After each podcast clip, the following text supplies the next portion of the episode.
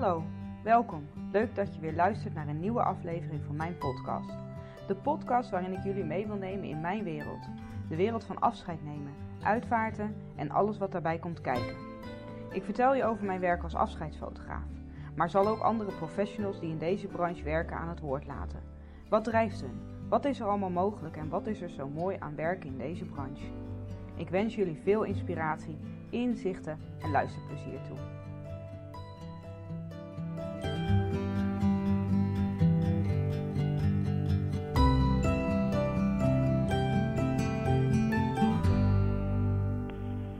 Hey, welkom bij een nieuwe aflevering van mijn podcast. En vandaag uh, ga ik met Hanke Amos uh, in gesprek. En uh, als je mijn podcast al wat langer luistert, dan uh, heb je haar al eens eerder gehoord. een van mijn eerste podcasts, ehm, ik denk alweer bijna twee jaar geleden, ja, was met Hanke. En Hanke heb ik toen ja, geïnterviewd over haar werk als ritueelbegeleider. En um, sinds die tijd volgen elkaar, zijn we ook een tijdje elkaars accountability partner geweest. En uh, is ze inmiddels, naast dat ze nog steeds visueel begeleidster is uh, en mensen helpt met prachtige teksten bij uitvaarten, is ze ook meer de coachende kant op gegaan. En ze noemt zichzelf geen bedrijfscoach, dat geeft ze ook in haar eigen intro aan. Uh, maar ze coacht en inspireert wel anderen. En met name op het gebied van het op je eigen manier doen, op je eigen manier ondernemen in de uitvaartbranche. Niet zoals het per se hoort of het altijd is gedaan, maar je eigen unieke manier vinden. En dat vind ik mega inspirerend. En daar heb ik haar over uh, gesproken. Dus ik zou zeggen, heel veel luisterplezier en uh, tot de volgende. Goedemiddag Hanke, welkom in mijn podcast. Nog, ja, opnieuw, welkom. Thanks, dankjewel. Ja. Nou, ik heb net uh, al, uh, hebben mensen al kunnen luisteren naar het introductiepraatje, uh, waarom wij nu met elkaar weer ja, om de tafel zitten. Want ik heb jou al een tijdje geleden in de podcast gehad, twee jaar geleden hebben we net gezien, of bijna twee jaar geleden. En toen hebben wij gesproken over jouw werk als ritueelspreker. maar ik heb van redelijk dichtbij natuurlijk je omslag kunnen meemaken naar nou, het pad wat je nu bewandelt. En dat is uh, met name op het inspireren en, en andere uitvaartondernemers die vernieuwend willen zijn, uh, ja, coachen. Kun je eens wat meer vertellen daarover? Ja, nou ja, dat is inderdaad wel een, uh, een, een, een leuke. Um, ja, we zagen inderdaad net van, oh ja, het is alweer twee jaar geleden bijna dat we elkaar spraken. Um, en als ik dan kijk naar de afgelopen twee jaar van mezelf, toen was ik echt ritueelbegeleider en echt gericht op de ceremonies ik denk dat ik toen al wel een beetje aan het kijken was van, oh ja, hoe kan ik nou mezelf uh, ja, zo goed mogelijk vermarkten en hoe zorg ik er nou voor dat datgene wat ik aanbied, dat, dat mijn klanten dat ook graag willen hebben. En nou ja, dat ik um, wel heel erg keek van hoe kan ik zorgen dat dat ook dienend is aan wat een uitvaartbegeleider of een familie zeg maar nodig heeft. Um, en, en in het heel kort, ja, op een gegeven moment kwam ik erachter dat het niet altijd zo was dat een familie een hele ceremonie wilde. Uh, dus toen ben ik op een gegeven moment dat aanbod in die zin gaan opknippen. Dus dat ik, uh, wat ik nu vaak doe, is bijvoorbeeld een voorwoord, uh, of een, hoe noem je dat? Een welkomstwoord en een slotwoord voor de uitvaartbegeleider. Um, of een begeleiding op afstand. Nou ja, dat heeft corona ook mede mogelijk gemaakt. Dat je nou ja, met mensen mee kan kijken op afstand. Van hey, hoe ziet je ceremonie eruit? Wat zit erin? Uh, wat ga je doen met je sprekers? Waar heb je bepaalde muziekstukken? En hoe zorg je ervoor dat de flow in de ceremonie goed is en dat je ook binnen de tijd blijft? Um, ja, en op een gegeven moment kwam ook wel echt. Um, en ja, ik weet niet, soms is dat zo. Ja, dat herken jij volgens mij ook wel. Dat je dan ineens een idee hebt en dat het heel goed voelt. En dat je denkt, nou, ik ga maar eens kijken wat dit doet. En ja. uh, dat ik het najaar dacht, hé, hey, ik zou het eigenlijk wel leuk vinden om iets met coaching te doen. Omdat je ja, mensen gaan op een gegeven moment inderdaad naar je kijken. En, en ik voelde wel van, nou ja, er zijn dingen in de uitvaartbranche die anders mogen. En hoe dan? Nou, misschien heb ik daar wel een rol in. Uh, en nu ben ik dus inderdaad ook mensen aan het coachen op, uh, nou ja, inderdaad hun plek innemen in de uitvaartbranche. En nou ja, vooral te werken op een manier die voor hen werkt. Um, en niet zozeer te kijken naar van wat vindt de, branche daar eigenlijk van en, en wat vinden anderen daarvan, maar doe het op jouw manier en zorg dat dat voor jou, uh, dat je bedrijf dienend is aan jou in plaats van dat jij uh, uh, nou ja, leidt onder je bedrijf, zeg maar. Dus ja. ik ben geen business coach. en ik ben nog steeds heel erg ook gefocust wel op die uitvaartceremonie. Want dat is uiteindelijk ja, waar ik ook heel blij van word. Maar dat is niet meer wat ik het als enige doe. Omdat ik ook wel zie dat ik op meerdere punten een bijdrage kan leveren aan het vernieuwen van de uitvaartbranche. Ja, want je zegt net van de mensen gaan naar je kijken en mensen uh, sloegen daar dan toch wel op aan. Kun jij, weet jij of vermoed jij wat dat dan is dat mensen dan interessant aan jou vonden of waar, waar jij dan eh, iets te brengen hebt? Ja, ik denk, um, kijk, ik, ik ben natuurlijk redelijk jong. Uh, en ik neem wel positie in met de dingen die ik schrijf. Dus ik was, um, ik ben, was best wel zichtbaar op LinkedIn.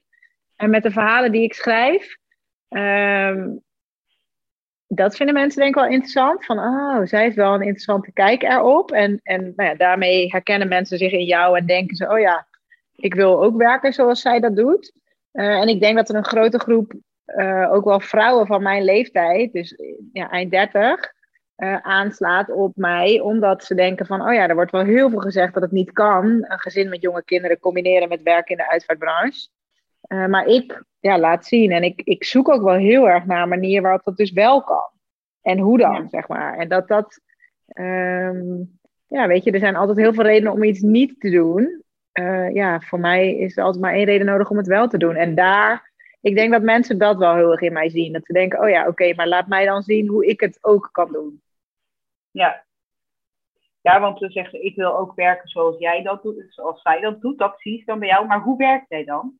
Wat is dan zo bijzonder aan wat jij doet?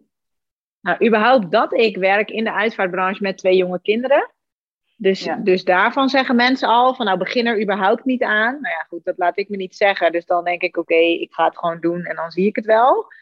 Uh, wat iets is waar ik op een gegeven moment achter ben gekomen, of wat ik per se niet wil, is 24 uur per dag bereikbaar zijn. Uh, dus ik werk nog steeds part-time. Dat deed ik al toen ik nog in loondienst was. En dat doe ik ook nu nog steeds. En um, ik werk zoveel mogelijk onder schooltijd. Dus dat is voor mij, en, en weet je wel, het kan wel eens zo zijn dat, uh, uh, dat er een uitvaart op zaterdag is of zo. Maar dat zijn wel dingen waar ik heel kritisch naar kijk. En op woensdag is het voor mij onmogelijk. Want dan zijn er ja. te veel andere dingen. Dus als er iets op woensdag is, dan eigenlijk verwijs ik meteen door. Of ik zeg, joh, als je hem naar de donderdag of de vrijdag kan doen. als het dan specifiek over een uitvaart gaat, dan ben ik er. Ja, en dan vaak kan dat dan. Um, dus dat zijn een beetje de dingen. Ja, weet je, dat je zo duidelijk voor jezelf weet wat voor jou werkt. Uh, ja. ja. dat vinden mensen ja, nog steeds. op jouw voorwaarden. Ja, en dat je dus nee zegt tegen een uitvaart op woensdag. En dat je dan dus zegt, ja, kan die ook naar donderdag of vrijdag? Ja, weet je, je kan ook alleen nee zeggen. Maar ja, ik vraag dan wel, kan die ook naar donderdag of vrijdag?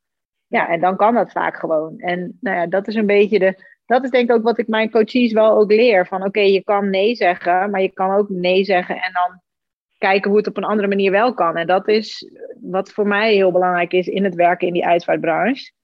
Um, en überhaupt in hoe ik leef. Van oké, ga zoeken naar manieren hoe het kan. Hoe het wel voor jou kan werken. Als je het idee hebt dat het lastig is of, of moeilijk. Of nou weet je, ja, het kan volgens mij altijd. Dus ga dan, zoek dan even verder.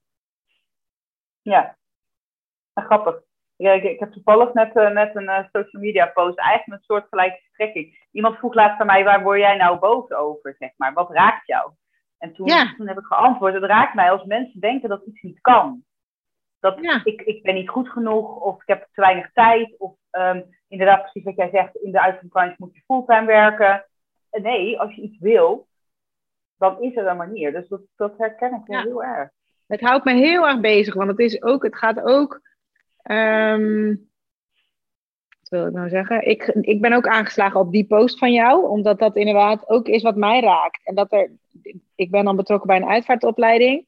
En dan zijn er heel veel studenten die studeren af. En dan zijn er overtuigingen als van ja, ik moet nu ervaring op gaan doen. Ja, wanneer heb je dan genoeg ervaring om het te gaan doen? Weet je wel? En wie zegt dan dat je nog ervaring op moet doen?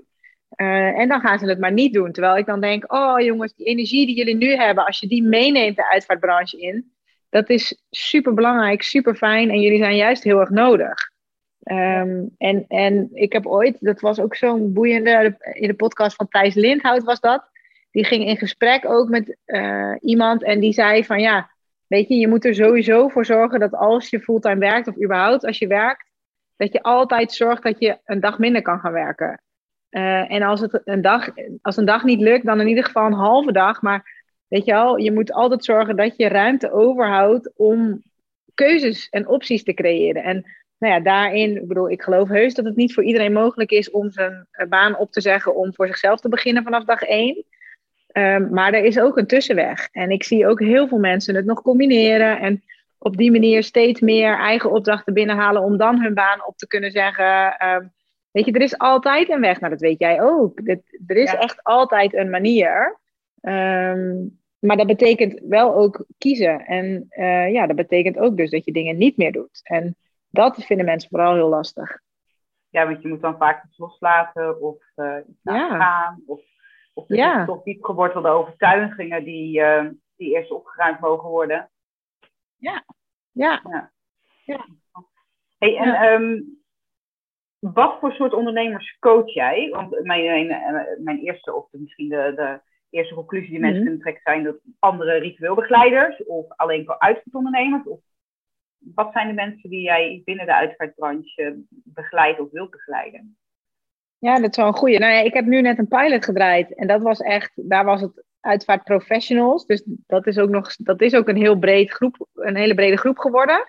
Uh, waarin dus inderdaad ook uh, ja, ritueelbegeleiders, uitvaartbegeleiders, uh, uitvaartfotograaf, rouwbegeleider. Het is echt heel divers, nu ik het zo zeg.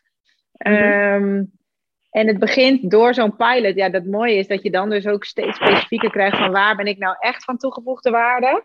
Uh, en dan zit het denk ik heel erg op de startende ondernemers. Dus weet je, ik, toen ik drie jaar geleden voor mezelf begon, uh, ja, dan ga je alles lopen uitklooien. Uh, dat heeft ook heel veel tijd gekost.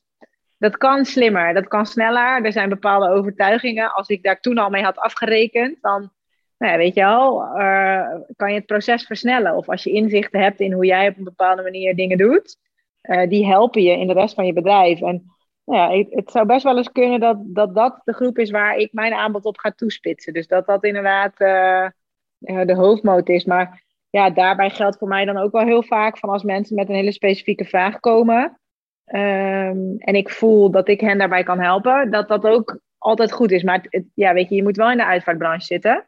Uh, en ik ja. moet het idee hebben dat ik je aan kan. Dus dat ik inderdaad, uh, uh, dat jij echt wilt en dat ik zie waar je tegenaan loopt en je daar ook doorheen kan helpen, zeg maar. Ja, ja precies. En kun jij wat specifiek, want je zegt ik heb net pilot gedraaid. Doe jij vooral één op één coaching? Werk je in groepen? ja, hoe, hoe ziet jouw aanbod eruit? Wat, wat doe je? Wat geef je mensen? Ja, nou deze coaching was echt heel erg één op één. Uh, dus dan inderdaad gewoon twee wekelijkse coaching sessies. En over twee weken krijgt de groep van mij een, een online masterclass. Of dan geeft mijn coach, geeft mijn groep een online masterclass. en dat is wel iets waar ik ook verder mee wil experimenteren. Van hey, zet die groepers bij elkaar. en kijk wat zij voor elkaar kunnen betekenen, zeg maar. Want ik geloof dat daar ook wel echt um, kracht in zit. Maar nu ik dat zo tegen jou zeg, denk ik, ja, dat vind ik ook nog wel spannend. Dus dat, weet je, dat is het fijne van zo'n pilot. Kan je mee uitproberen. Ja. Um, en voelen van, oh ja, die vind ik wel heel leuk, maar die vind ik bijvoorbeeld ook nog wel spannend. En nou ja, ik vind dan inderdaad zo'n online masterclass, uh, dat vind ik trouwens echt super fijn van nu. Uh, weet je, je klanten kunnen door heel Nederland zitten. Ja. Um, en dat, dat, ja, ik vind dat super toegankelijk, weet je wel, waardoor je het ook qua prijs uh, behapbaar kan houden voor mensen en nou ja, voor veel mensen bereikbaar kan zijn. Dat vind ik ja, echt wel mooi en fijn uh, in, in hoe ik mijn aanbod ook aan het opbouwen ben nu. Ja, ja mensen raken er ook steeds meer aan gewend. Hè? Dat merk ik ook wel, dat dingen gewoon online zijn. Ik vind het ook wel prettig dat het online is. Dan ben je niet afhankelijk ja. van de externe factoren waar we nu toch echt, ja, meer mee moeten dealen dan voorheen. Ja van mogen dingen, kunnen dingen en dit kan altijd. Ja, en het is ook, ik bedoel, het is ook, er zit ook echt een, een tijdfactor. Is natuurlijk gewoon, ik bedoel, of jij een uur online uh, één coaching sessie hebt, of je moet ergens naartoe en weet je, het kost je een halve dag, dat maakt echt wel uit. Ja, klopt. Ja. Dus, dus ja. voor iedereen zitten er voordelen aan. Ja. En uh, nog eens terug, uh, teruggaand naar het begin, want niet iedereen heeft natuurlijk uh, de eerste podcast geluisterd. Maar Waar kom je vandaan in de zin van, hoe, hoe ben je überhaupt in het, de uitvaartbranche terechtgekomen? Dat is wel een goeie. Uh, ik denk dat, dat het altijd, dat, er, dat je bijna aan elke, uh, iedereen die in de uitvaartbranche werkt, blijkt het iets te zijn wat je, wat je altijd al fascineerde. Nou, dat is bij mij ook zo. Um, en ik ben in eerste instantie, ben ik op een gegeven moment, omdat het me heel leuk leek, de opleiding tot ritueelbegeleider gaan doen. Um, en toen nog uh, ritueelbegeleiding bij leven, want ik dacht, oh ja, ik wil met die levensrituelen iets doen. En we hadden zelf uh, een hele mooie ceremonie gemaakt toen onze kinderen één jaar werden. Um, een beetje ja, doopachtig, maar dan niet christelijk, zeg maar. helemaal zelf met ja, heel veel betekenis en een ritueelbegeleider dus gemaakt. Um, toen dacht ik, nou, dat vind ik wel echt heel mooi. En nog steeds is dat een ritueel wat ik echt fantastisch vind. En waarvan ik zou zeggen, oh, dat moet iedereen gaan doen. Uh, maar je gaat op een gegeven moment ook wel een beetje praktisch kijken. En, en waar is dan markt voor? Uh, en ja. ik voelde heel erg dat ik juist met mijn ja, want ik dacht eerst misschien wel het is te zwaar of zo, maar ik voelde dat ik juist met die lichtheid van mij, um, dat ik heel erg voelde van, oh, ik heb in die uitvaartbranche juist iets toe te voegen. Uh, want er is op het gebied van levensrituelen is al zoveel. En weet je wel, mensen doen al van alles. Um, dus juist in die uitvaart heb ik meer toegevoegde waarde. Uh, en toen ben ik inderdaad geswitcht en uiteindelijk ook afgestudeerd op rituelen bij uh, afscheid. En zo ben ik inderdaad toen voor mezelf begonnen ook. Van nou, dan ga ik dus mooie afscheidsceremonies maken voor mensen. Ja. Um, mooie rituelen. Uh, en, en mijn, weet je, ik zit wel heel erg op het schrijven. Dus ik kan, ik kan goed schrijven, mooie verhalen maken. En in die gesprekken met de mensen, um, dat zijn al vaak pareltjes, zeg maar, voor mensen. Dat we even in zo'n gesprek waarin we de tijd hebben, um, nou, even terug mogen gaan naar het gevoel en wat iemand voor hen heeft betekend. Ja. Ja, ik denk dat dat, dat, ja, dat vond ik altijd al leuk. En mensen die gooien altijd meteen alles op tafel bij mij. Dat ik soms wel denk, poeh, too much information. Weet je wel, gewoon in privé settings. Dat je denkt, ja, die heeft zijn ja. levensverhaal, dat feestje aan mij verteld. En die, ja, blijkbaar ja. is dat iets wat je dan over je hebt of zo. Uh, en nu zet ik dat dus ook professioneel in. En weet ik wanneer ik mag begrenzen. En nou ja, weet je wel zo. Maar uh, ja, dat, ik denk dat dat iets is wat je altijd al wel bij je hebt. Maar op deze manier ben ik dus uiteindelijk in de branche gekomen. Want dat schrijven, dat vind ik dan ik gewoon puur uh, nieuwsgierig houden. Kon je als kind ook, ook wel goed schrijven? Was je echt iemand van de verhalen en zo?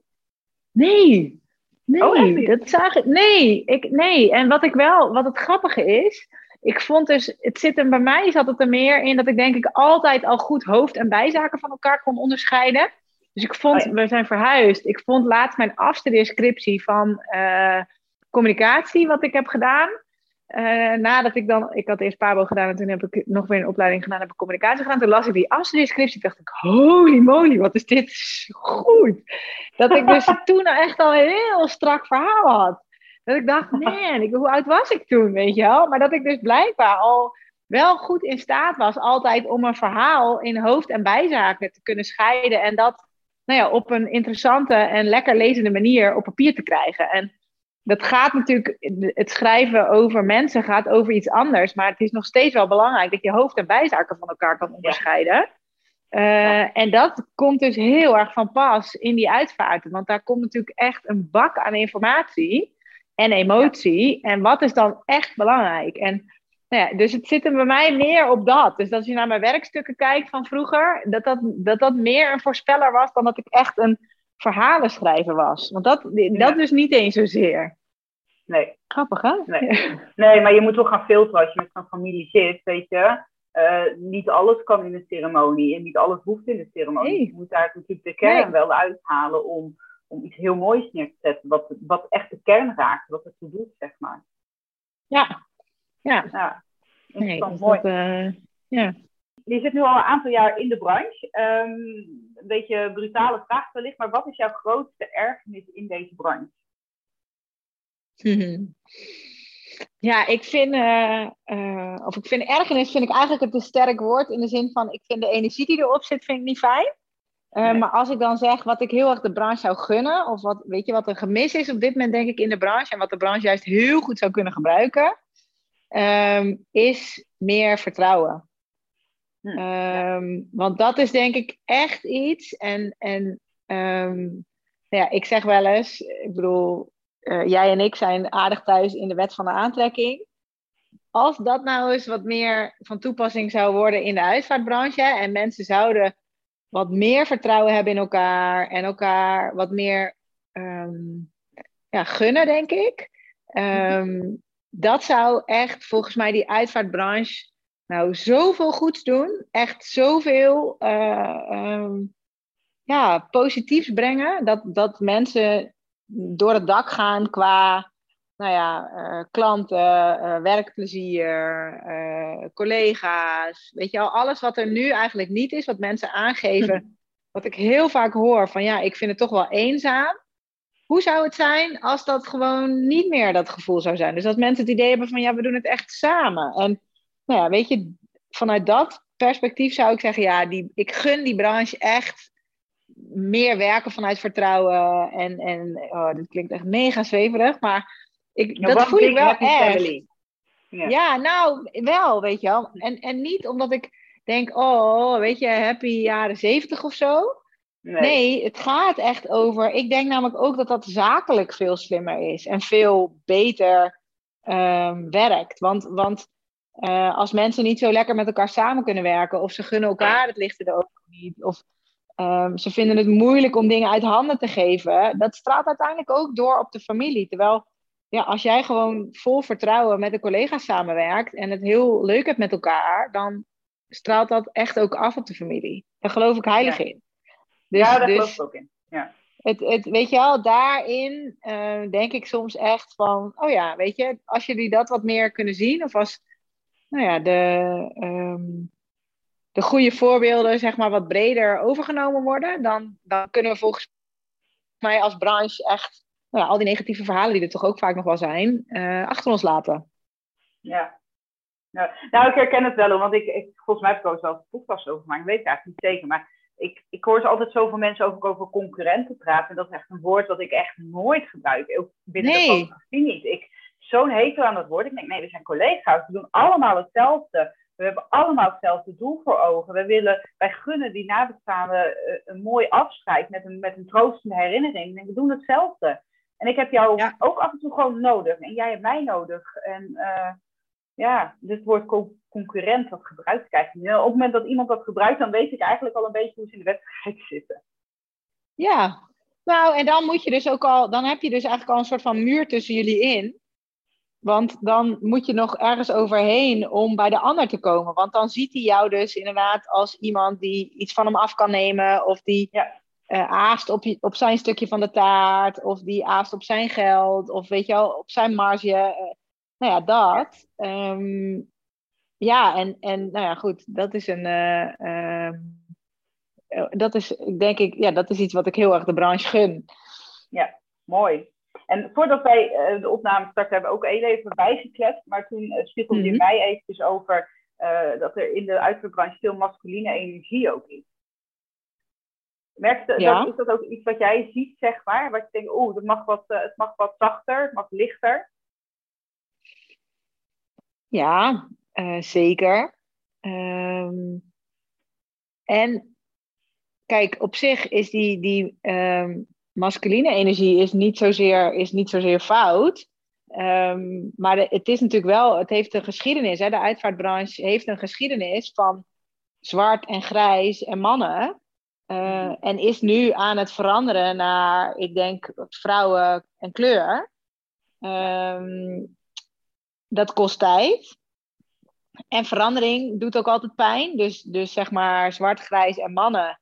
Uh, die, voor hen is het contrast met vrouwen en kleur wel heel groot, zeg maar. Um, dus dat gaat langzaam.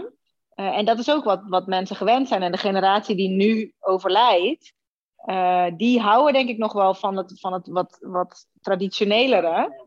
Uh, maar hun kinderen, die, die zijn al op weg naar meer alles op je eigen voorwaarden en, en kiezen wat er te kiezen is, zeg maar. Um, dus ja, ik denk dat, dat, dat, dat we ook in een verandering gewoon zitten. En dat dat langzaam gaat. En nou ja, hoe meer vrouwen echt op twee benen gaan staan en ook echt staan waar ze voor gaan staan, of gaan staan waarvoor ze staan, uh, dat, dat, dat dat wel goed, een goede zaak is. Ja. Ja, mooi. Ja, en het blijft, hè? Dat ik ook echt wel, hoor. ja, die, ja, die zie ik ook in de branche echt wel gebeuren. En, en beide is goed, hè. Er zit geen oordeel op het, uh, nee. op het grijs, zwart, donker en mannen. Want dat kan, ook, dat, dat kan ook gewoon bij mensen passen natuurlijk. Prachtig voorbeeld. Ik sprak met iemand en die zei: Oh ja, en toen stond ik bij een kerkje en toen zag ik dat daar. Oh, er werd iemand binnengedragen door zes dragers in van die pakken en zo inhuur. Wat een treurig gezicht. Toen zei ik: Oh, maar dit is zo. Het is prachtig dat je dit zegt, want het zegt dus heel veel over de manier waarop het voor jou zou horen of zou moeten. Maar misschien is het voor deze familie wel juist een teken van respect dat je daar mensen voor inhuurt om dat te doen. Ja. En, en precies dat is wat het is. Weet je wel, hoe wil jij het? Alles is goed, maar je weet dus dat je iets te kiezen hebt. En het kan op allerlei manieren.